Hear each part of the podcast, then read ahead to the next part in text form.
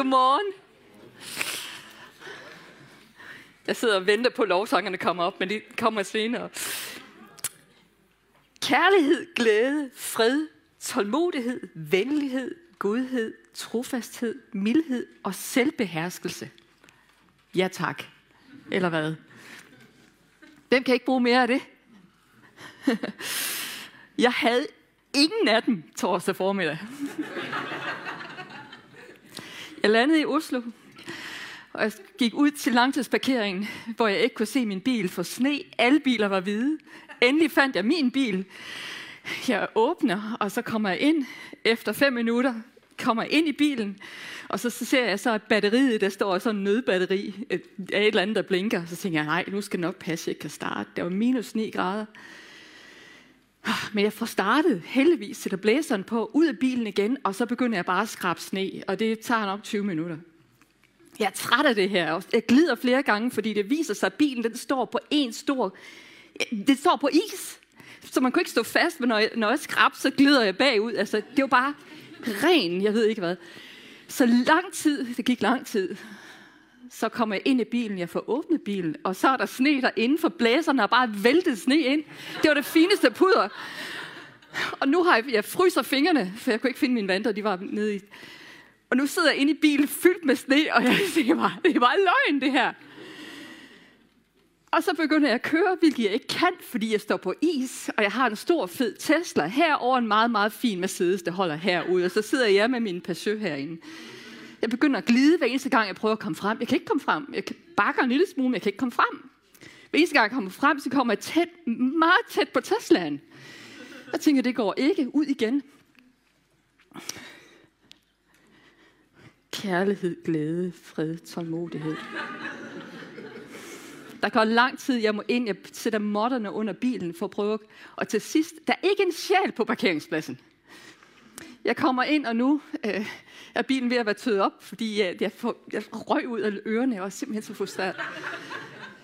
øh, og så hører jeg, da jeg kører, da jeg begynder så at komme frem, så kører jeg, så kan jeg næsten høre Gud sige, hø, hø, hø.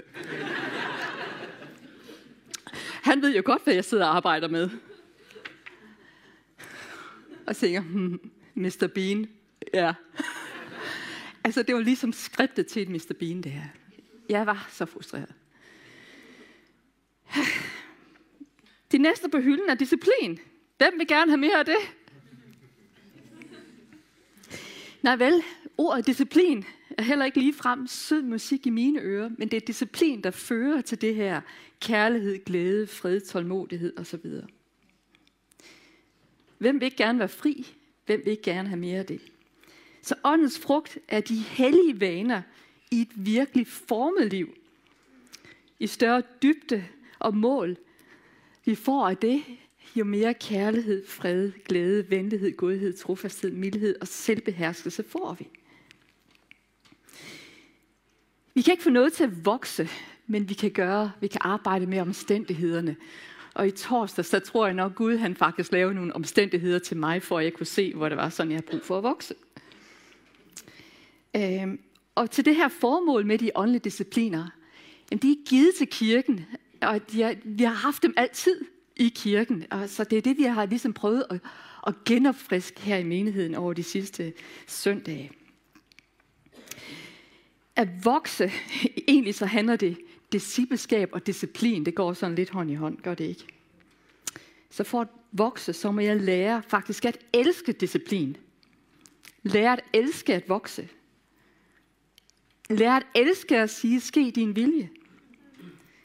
Øhm, discipleskab handler ikke om adfærdsændring. Der vil disciplin bare forblive hårdt.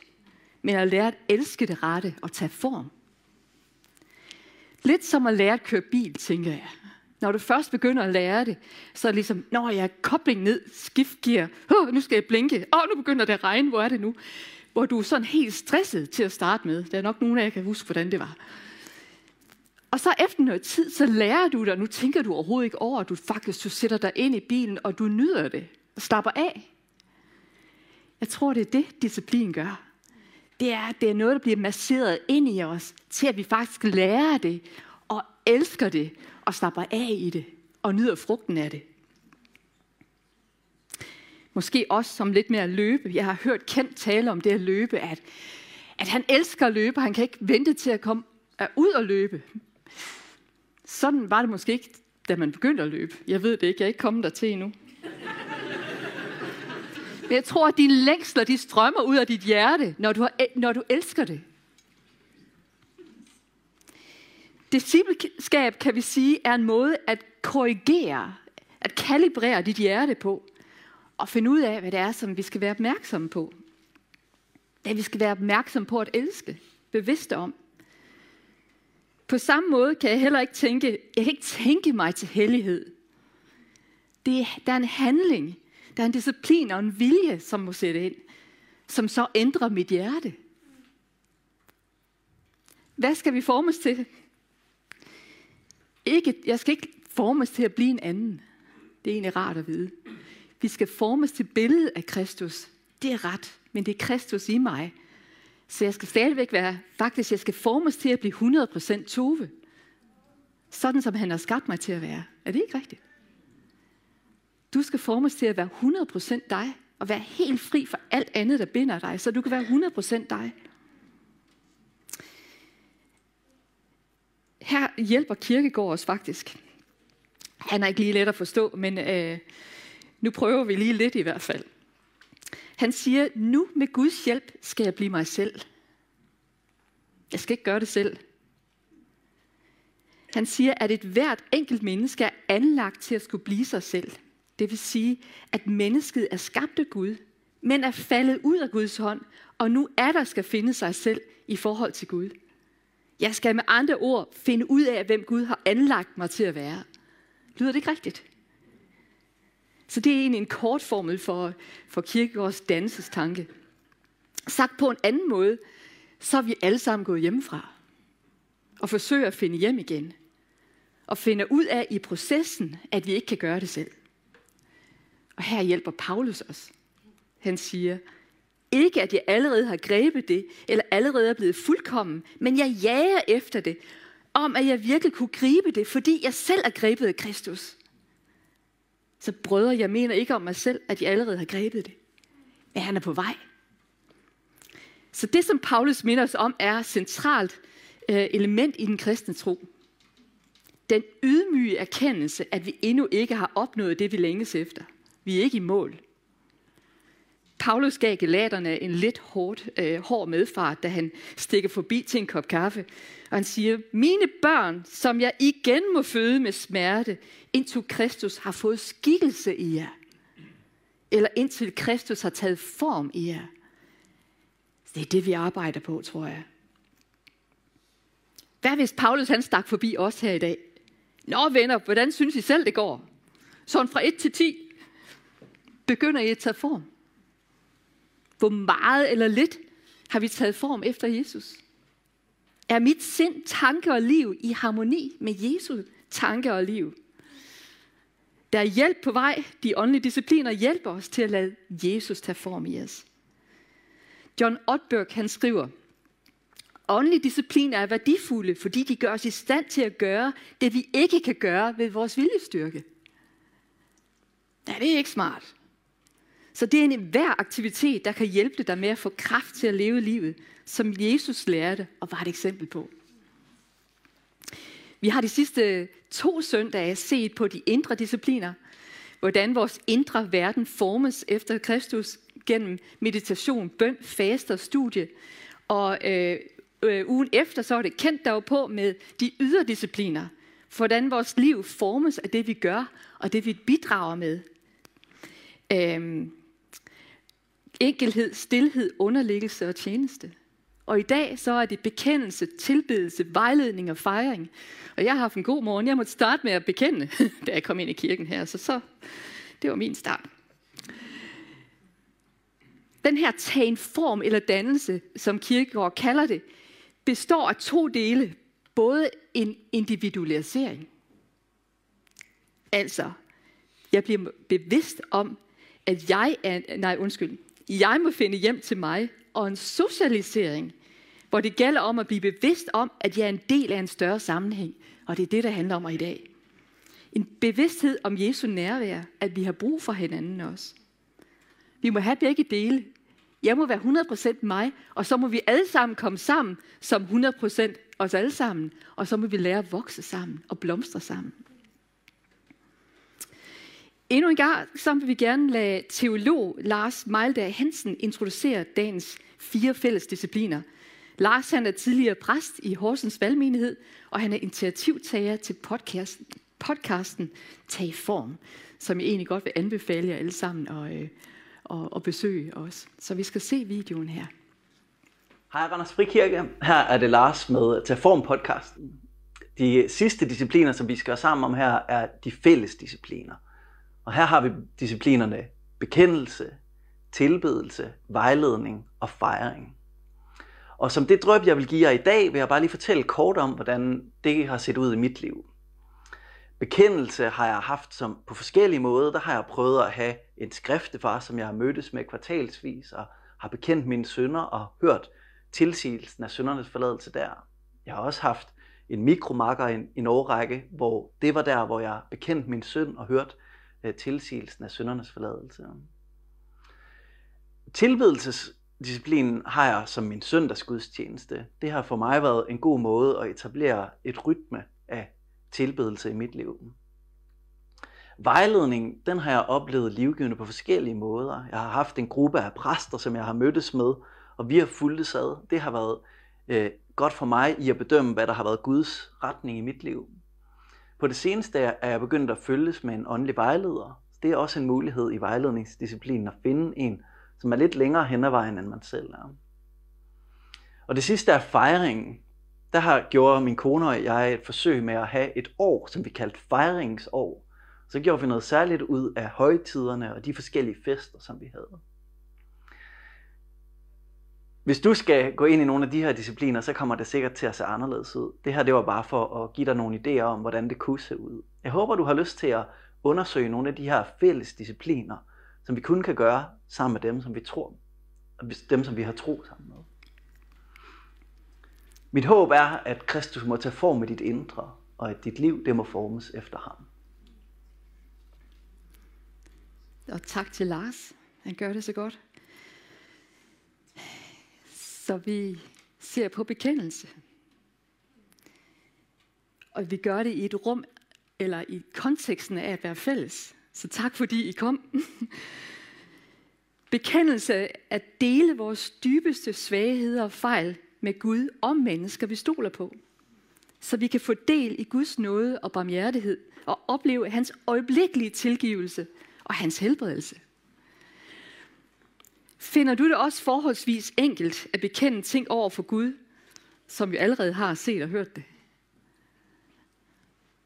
Derimod så skal jeg nogle gange have lidt tilløb til, når jeg skal bekende noget over for et andet menneske, der står lige foran mig, som nu ikke ved, hvad det er, jeg har klokket i. En undersøgelse viste for nylig, at de fleste tror, at deres moral er højere end naboens. Min antagelse er dog, at det er stik modsat i kirken. At de fleste af os tror, at jeg er en langt større sønder, end den, jeg sidder ved siden af.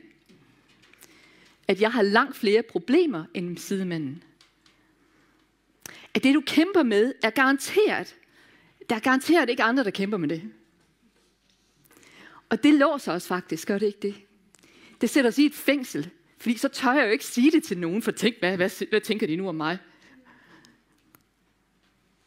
Hvis alle tror, at de er det sorte får, så er hele kirkesalen jo fyldt med sorte får. Egentlig noget af det, der, der, der kendetegner os mere, det er, at, at vi er syndere. Og at vi klokker i det. Og bare erkende, at vi klokker i det og komme videre. Der står her, hvis vi siger, at vi ikke har synd, fører vi os selv på vildspor, og sandheden er ikke i jer. Hvis vi bekender vores synder, så er han trofast og retfærdig, så han tilgiver os vores synder og renser os fra al uretfærdighed. Og det næste vers, der står der, hvis vi siger, at vi ikke har syndet, gør vi ham til en løgner, og hans ord er ikke i os. Værsgo.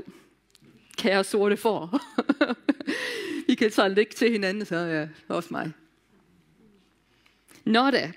Det ser ud til, at Gud antager, at vi er en forsamling af syndere, at vi er alle klokker i det.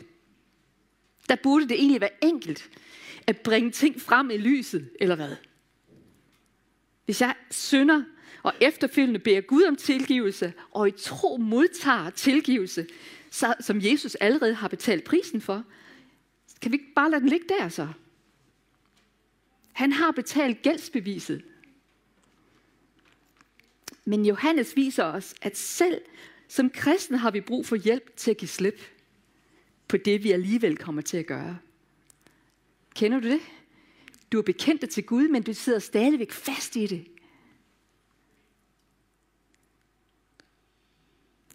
På den måde, så kan du sidde med sådan de her tanker bagefter. Du har bekendt det til Gud, du har modtaget tilgivelse fra Gud, men du sidder stadigvæk lidt som, lidt som at du får et rum under, under solen. Den bliver bare ved med at følge efter dig. For det er en dyb hemmelighed, du bærer, bærer et, inde i hjertet. Og så har du den der self-talk. Hold nu op, nu har klokke i det igen. Seriøst for dumt. Hvor kan du da være dum? Så kører den der negative snak ind i hovedet. For du er din værste anklager. Fjenden kan bare læne sig tilbage og bare lade hende selv gøre det. Nå, Tove har ikke brug for hjælp. Så kan jeg gå og nage en anden person. En ting, vi ikke gør noget ved, gør noget ved os. Er det ikke en sand udmelding? Jesus kender vores menneskehjerte og lærte os fader, hvor vi beder faktisk, forlad os vores skyld, som også vi forlader vores skyldnere. Okay, så der er altså en samtale derinde. Øh, vi synger nogle gange herinde med Arve øh, Asmussens salme. Jeg vil, jeg vil kalde det en salme. Vi siger, at vi vil give dig det værste, vi har. Mørke hjerter, nye sår og gamle ar. Du så os, da vi faldt. Du kan bære alt. Når vi har gjort det, har vi brug for at indånde Guds tilgivelse, så vi også selv kan tilgive andre. Utilgivelighed, uanset hvor det er, kan hænge om ens hals. Vi har brug for at komme af med det. Så det er altså ikke nok bare at bekende vores sønder til Jesus. Og bare plante dem hos hans ører. Nej, vi har brug for andres ører også. Samtidig, det er rigtigt nok, vi har haft en reformation. Og i reformationen, der vandt vi kampen. Jeg behøver ikke længere hverken præst eller pave til at stå mellem mig og, mig og Gud. Jeg kan gå direkte til Jesus med mine sønder og modtage tilgivelse. Men min synd mister sit greb i mig, når den kommer ud af lyset, at der kommer ord på. Uanset omstændighederne, så må jeg tage ansvar for mine handlinger og tanker. Det er ikke nok at sige, ja, men det er også alt det sne, og det frøs, og jeg har kolde fingre. Og... jeg må tage ansvar for, hvordan jeg reagerede. Vi kan ikke være kristne alene. Vi har brug for nære relationer, vi kan være helt åbne med. Vi kan være sårbare sammen med, og der hjælper vores live-gruppe os. Hvis du ikke er i en live-gruppe, så kan jeg varmt anbefale det. Hvor man kan bekende og erkende, hvilke synder, der er sværest for dem, og også bare svagheder. Og lade de andre komme tæt på. Og så finder du ud af, åh, oh, jeg er ikke alene alligevel. Der er andre, der har det sådan. Nå, men så, har vi, så er vi der to og kan dele det, og så kan vi støtte hinanden. Be for hinanden. Men bekendelse, det er at dele vores dybeste svagheder og fejl med Gud og mennesker. På et tidspunkt, så havde jeg virkelig klokke i det. Og jeg kunne bare ikke få det ud til et andet menneske. Og der kom Gud i sin gudhed. Han gav en drøm til en veninde på den anden side af jorden, som så ringede mig op. Tove, det er godt nok ikke let at sige det her, men øh, sidder du lige fast i det her? Og hun bare beskrev situationen. Så siger jeg, ja, det er mig. Så Gud han elsker os så meget, at han ønsker, han vil gøre alt for, at vi kan komme ud af tingene. Bekendelser har også en sideeffekt. De hjælper os til at undgå det en anden gang, for jeg har virkelig ikke lyst til at sige det en gang til. Der står, bekend jeres synder for hinanden, og bed for hinanden om, at I må blive helbredt. Vi tager den næste samtidig. Den, der vil skjule sine overtrædelser, går det ikke godt for, men den, der bekender dem og holder op med dem, finder barmhjertighed. Rimelig godt ordsprog. Det var den første. Vi går videre til vejledning, og den har jeg lavet noget kortere, for jeg tror faktisk, at jeg skal en helt prædiken til den. Men Jesus han fortæller os, at han er den gode hyrde, og at hans får hører hans stemme. Og kender hans, altså kender hans stemme. Det vil sige, at han siger, han siger ikke, og nogle får høre hans stemme. Det er alle får, der hører hans stemme. Så, så der er vejledning til os. Det er en fantastisk nyhed. Vi har en guddommelig hyrde, som altid er med os og accepterer os og tilgiver os og lærer os og vejleder os. Det er den tillid, vi kan have, når vi lærer måderne og midlerne til øh, vejledning. Vejledning er også at have dagligt venskab med Gud, en samtale med Gud, som leder øh, ind i et vejledt liv i virkeligheden. Her kan vi også have hjælp, som øh, Lars også nævnte, at du kan have en vejleder, en som du går sammen med. I begyndelsen kan det godt være svært, for der opdager vi, at vi har en vilje i modsætning til Guds vilje. Vi beder ske din vilje, men egentlig, vi vil have, hvad vi, hvad vi vil have, og når vi vil have det. Og jo mere du arbejder med din vilje og indser, at Gud er god, så går det op for dig, at Guds vilje ikke kun er den rigtige, men også er den bedste. Det er ikke Gud, der sidder med et joystick og styrer os, men det er et fællesskab med ham, at han leder os. Med tid og erfaring, nogle gange meget tid og erfaring, kommer vi til den erkendelse, at han er god, og vi kan stole på ham og åbne os for ham. Og tydeligvis måske i, uh, ser vi uh, i apostelmøderne, hvor Paulus, Peter og de andre, de samledes for at afføre, uh, afgøre, hvad der er Guds vilje i forskellige afgørende spørgsmål. Sådan en situation har vi været igennem som kirke, at vi fælles må finde ud af, skal vi bygge ny kirke? Hvis ja, hvor henne? Hvornår? Hvordan skal den se ud? Det har været en fælles øh, vejledning, hvor vi har søgt hinandens vejledning, men også søgt Herrens vejledning. Hvad skal vi gøre? Hvis vi frygter Guds vilje og vejledning, er det fordi, vi endnu ikke har indset, at han er helt igennem og gennemgribende god. Og tro værdig. Det er svært at finde Guds vejledning, hvis vi er bange for, hvad han vil sige til os. Hvorfor hører den her disciplin under fællesdisciplinerne? Jo, det er et større billede.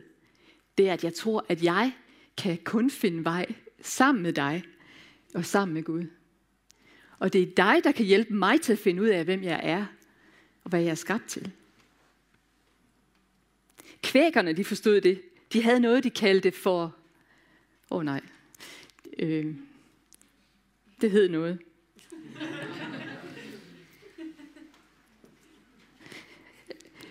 Hvor det er, at hvis der er et ung menneske, for eksempel, der forsøger at finde vej, måske hvad det er, at de øh, vedkommende skal studere, og siger, okay, så finder vedkommende fem-seks stykker, der kender, kender det her, den her søn, datter godt. Måske forældre, måske en lærer i virkeligheden, en præst, en selvgruppeleder, og de skal bare stille spørgsmål til ham. Ikke, at, ikke, at, ikke at, at vejlede på den måde, men bare finde ud af det. Træk det ud af ham selv. Er det ikke smukt? Clearance Committee. Der var den. Men det er at stille ærlige, åbne spørgsmål. Det tror jeg godt, vi kunne bruge noget mere af. I stedet for alle de valg, som vi har, og som specielt unge har. Hvad skal jeg med mit liv? Tidligere, en del tidligere, så var hvis din far han var landmand, så bliver du landmand. Ikke? Altså det går ligesom fra generation til generation. Nu er det bare, paletten er totalt åben, og så man bliver helt paralyseret.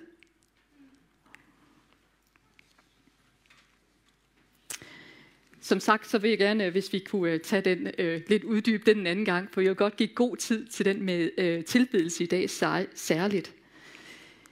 Men det næste, det er fejring. Yes, venner, så er der fest.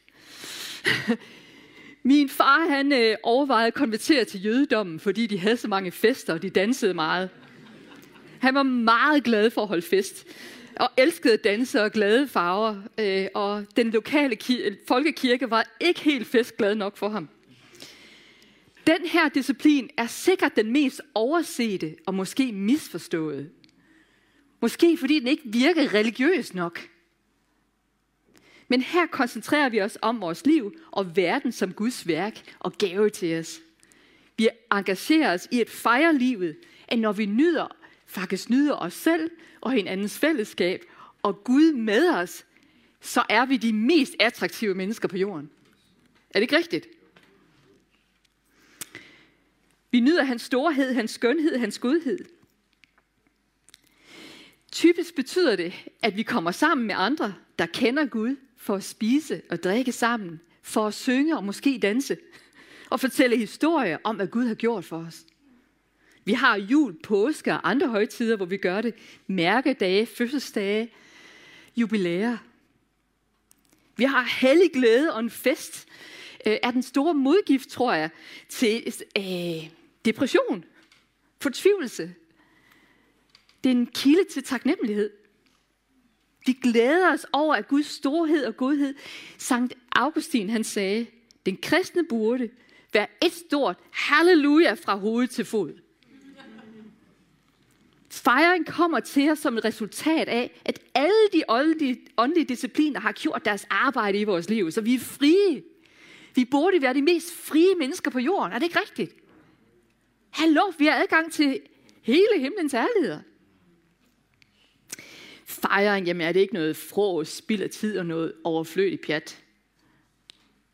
Det lader Gud ikke til at mene. Fest og fejring er nok allertydeligst øh, beskrevet i 5. Mosebog. Og Prøv lige at se her. Jeg har simpelthen ikke set på det her længe. Nej, undskyld, det er den første. Alting har en tid. En tid til at græde, en tid til at le, en tid til at øh, holde klage og en tid til at danse. Tid til at danse. Men her i 5. Mosebog, der har vi... Øh, her står der, at en tiende af alle deres, altså israeliternes, alt hvad de har produceret i løbet af året, det skulle bruges til en fest foran Herren og på en ferierejse til øh, storbyen Jerusalem. Hallo? En tiende del, venner.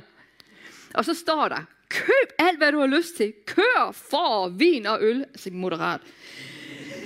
Øh, hvad dit hjerte begær, og hold så et måltid der for Herren med din Guds ansigt, og glæd jer sammen med din familie og sammen med levitterne, som er i dine byer.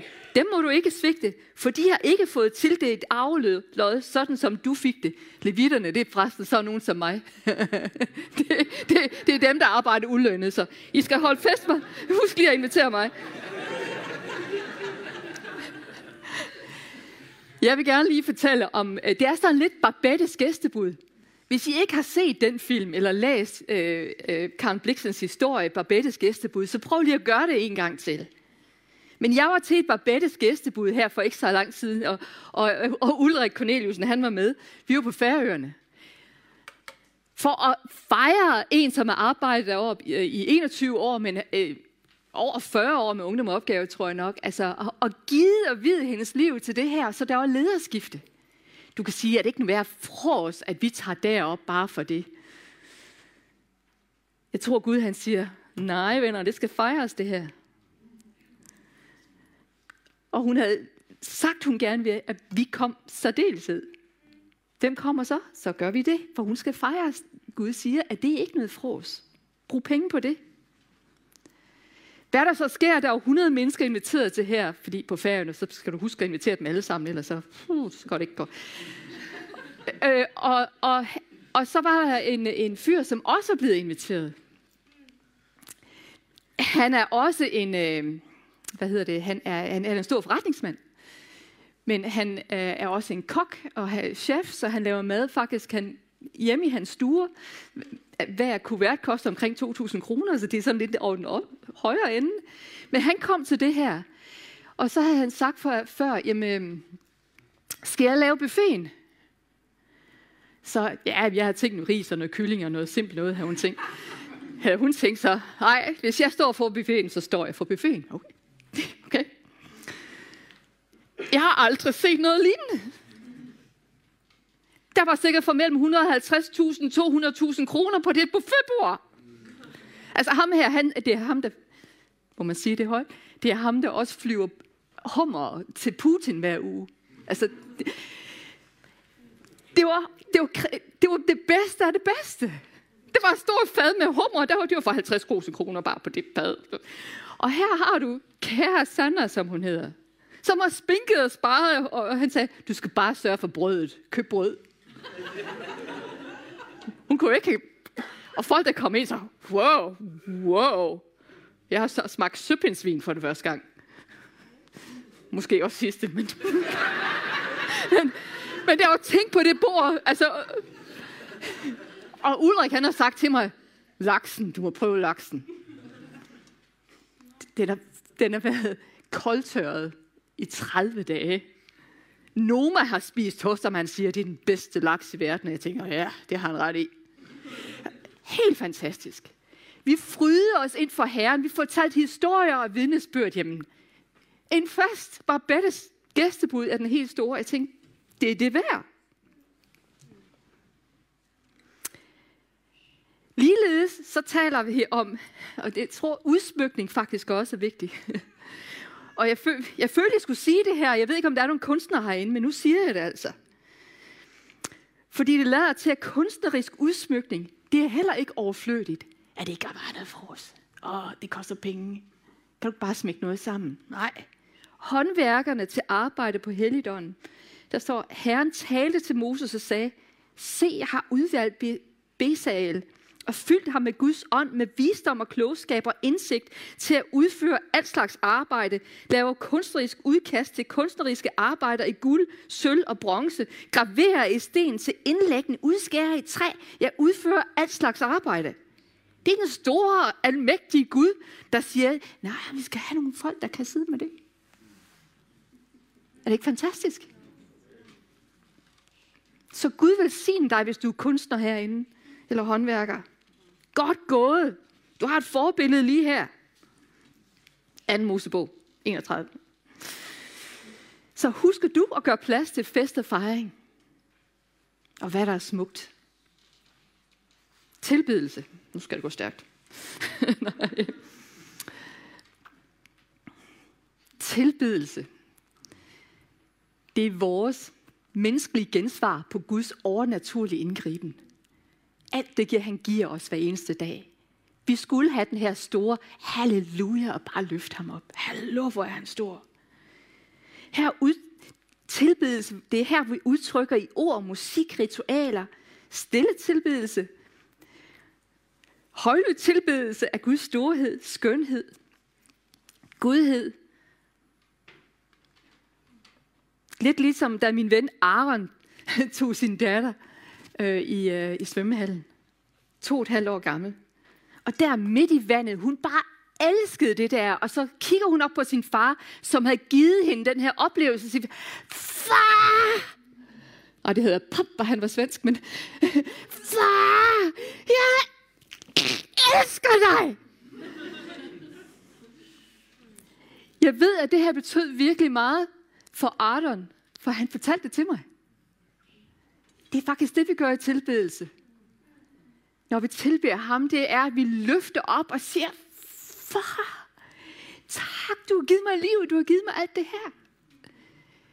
Du er god. Var det ikke for dig, kunne jeg ikke trække vejret.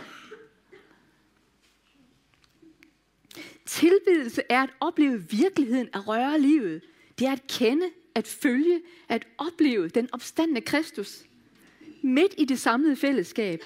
Det er at bryde ind i Guds herlighedsnærvær, eller bedre endnu at blive invaderet af Guds herlighedsnærvær, som Lars vist også nævnte.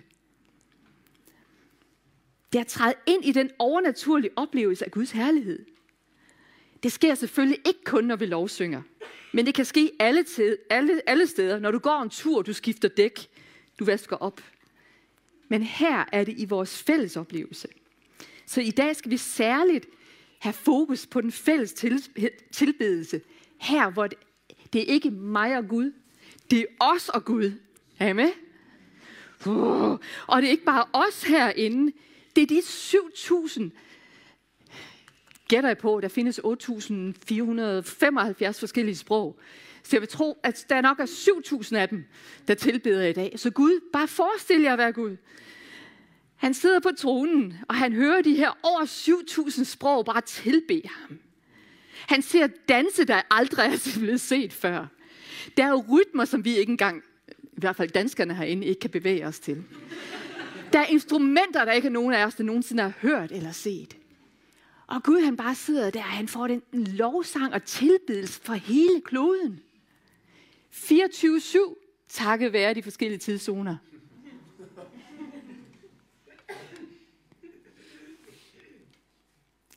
Tilbedelse har ikke nogen bestemt form eller liturgi. Det er langt dybere.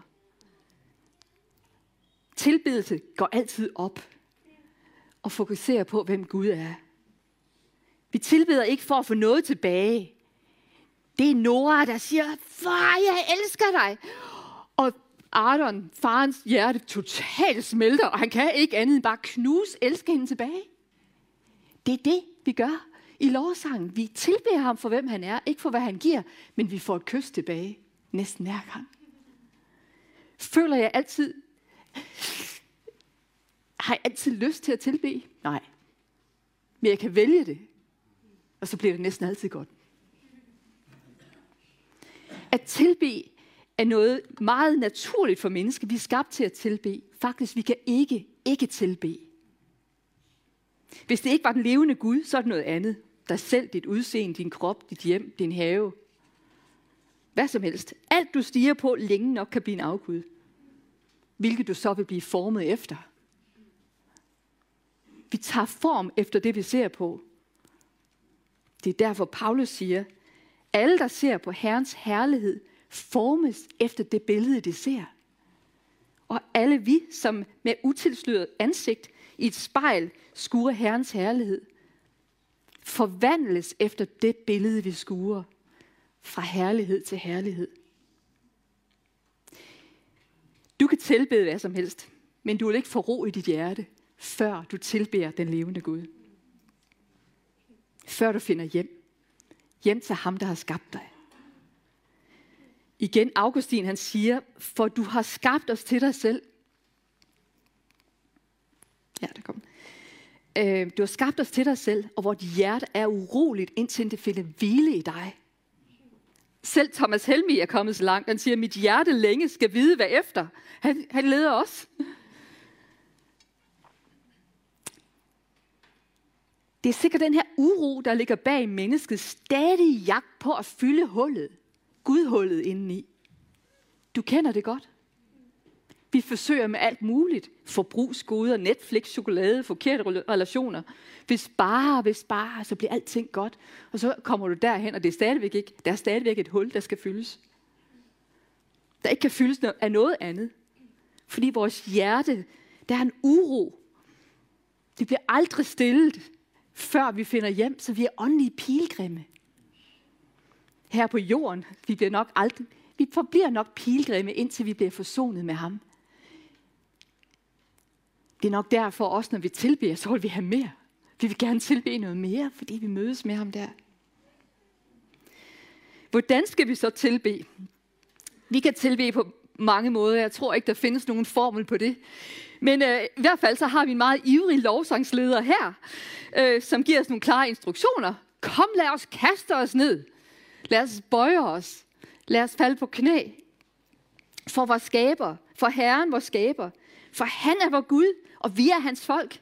De får han vogter. Så det giver os i hvert fald en fornemmelse af, at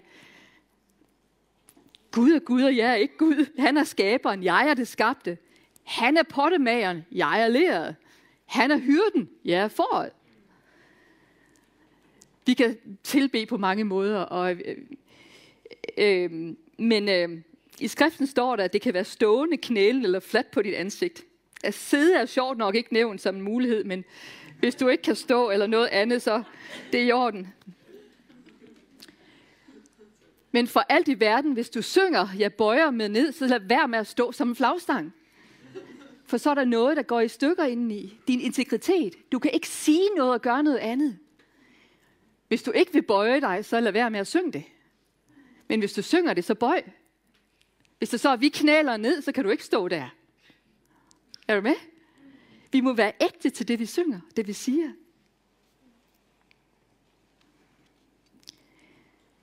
C.S. Lewis han siger noget i retning af, at når du knæler ned eller bøjer dig for Gud, så siger din krop til din fantasi, Gud er faktisk fantastisk. Gud er god. Han er stor. Han er større end mig. Gud er Gud, og jeg er ikke. Når om vi lige om lidt skal synge sammen, øh, så har vi ord og musik, der er sat sammen. Og det er enormt kraftfuldt. Hvis jeg spørger dig nu, tænk på alfabetet ABC. Kan du recitere det? Kan du, kan du gentage det inde i dit hoved, uden at høre en lille mus- melodi til? A, B, C, D. Der er ikke noget så kraftfuldt, som når det er sådan, at ord og musik bliver sat sammen. Vi husker ting. Vi bliver formet af det, vi synger. Derfor er det lidt vigtigt, at det er sund teologi, vi synger. Du skal lade være med at synge, jeg vil give dig alt, hvis du ved, at der er noget, du holder fast i.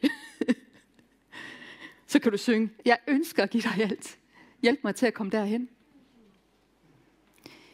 Tilbedelse skal også forme vores fantasi og forestillingsevne. Som jeg nævnte, at vi står her sammen med hele den globale kirke i dag og tilbeder ham.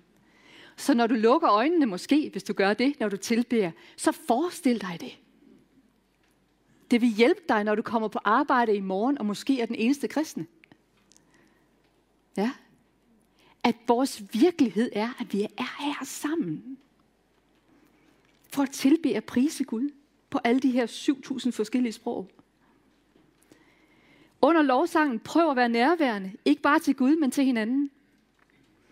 Hvis du har fået vane at lukke øjnene, når du tilbeder, måske for at lukke distraktioner ud, så prøv måske indimellem lige at åbne øjnene.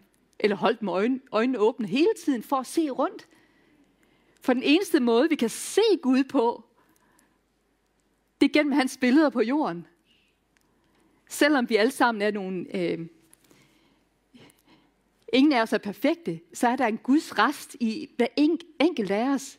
Så jeg kan se noget af Jesus i dig. Jeg kan se noget af Gud i dig. Fordi vi er hans billeder, ikke? Så når vi tilbeder, vil det være i orden og lige så, åh, oh, jeg sætter virkelig pris på det. Ej, hvor er det godt. Jeg ser, er I med? Se lidt rum og se, om du kan få øje på lidt af Gud i salen. Det skulle du gerne kunne være, kunne. Og hvis du er hjemme i stuen, så kig lige lidt rundt. Vi er skabt i hans billede og ligner ham, og der kan, derfor kan vi se rester af Gud i os alle sammen. Og skulle du føle trang til at knæle ned, så bare gør det. Gør det, som du oplever, du skal gøre inden for ham her til morgen. Lad ikke din nabo stoppe dig. Nogle gange så siger åh, hvad gør den anden? Åh, op med den. Altså, åh, okay, nu kan vi godt. Gør det, som du oplever, du skal gøre. Vær ægte med det. Så her, vi er fælles om at give Gud æren og takke ham for, hvem han er nu. Så jeg vil gerne bede øh, lovsangerne op, så jeg kommer op. Øhm, og under lovsangen, så er der også mulighed for bøn. Og ja, det er hele verden, der tilbærer der, kan jeg nok se. Men der er mulighed for bøn, øh, og det vil det også være for jer, der er derhjemme, at hvis I gerne vil have forbøn, så kan I ringe her ind under øh, den her lovsangstund. Jeg tænker specielt, at jeg har beskrevet en lille smule om det her, at vores hjerte er uroligt, indtil at det finder ro hos dig. Hvis dit hjerte er uroligt, og det længes efter ham, og du ønsker at sige ja til Jesus, så gør det i dag. Gør det i dag. Vælg at bekende ja til Jesus, ja til ham. Du kan også bare sige ja til en velsignelse. Jeg trænger til et kys fra himlen i dag, så kom og få forbøn. Og folk vil bede for dig med dig.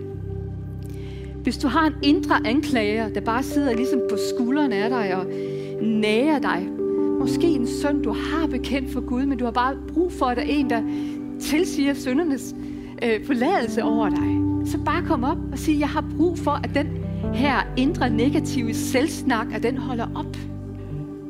Så kom. Hvis du sidder fast, så kom. Det kan være hvad som helst. Det kan være sygdom, hvad som helst. Så der er altså ikke nogen grund til ikke at komme. Ja.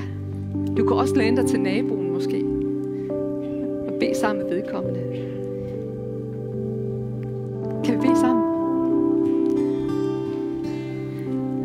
Så her vi, vi ønsker at give dig alt her til morgen. Vi ønsker at tilbede dig for den du er. Du er Gud. Du er den gode hyrde, vi er forne. Vil du lede os her? Vil du tale til os? Men mest af alt så ønsker vi at give dig. Vi ønsker at give dig, hvad vi har. Tak, at du har givet os livet. Tak, at havde det ikke været for dig, kunne ingen af os trække vejret i dag. Du giver os liv hver eneste dag. Tak for det her. Vil du lede os ind i den her tilbedelse? Og her for os, hvis der er nogen af os, som ønsker at sige ja til dig her, så siger vi, så kommer vi til dig her nu. Og siger ja her. Vi giver vores liv til dig igen. Vi giver vores liv til dig. Her vil du tilgive os. Vi bekender med vores mund og siger, at vi har brug for din tilgivelse.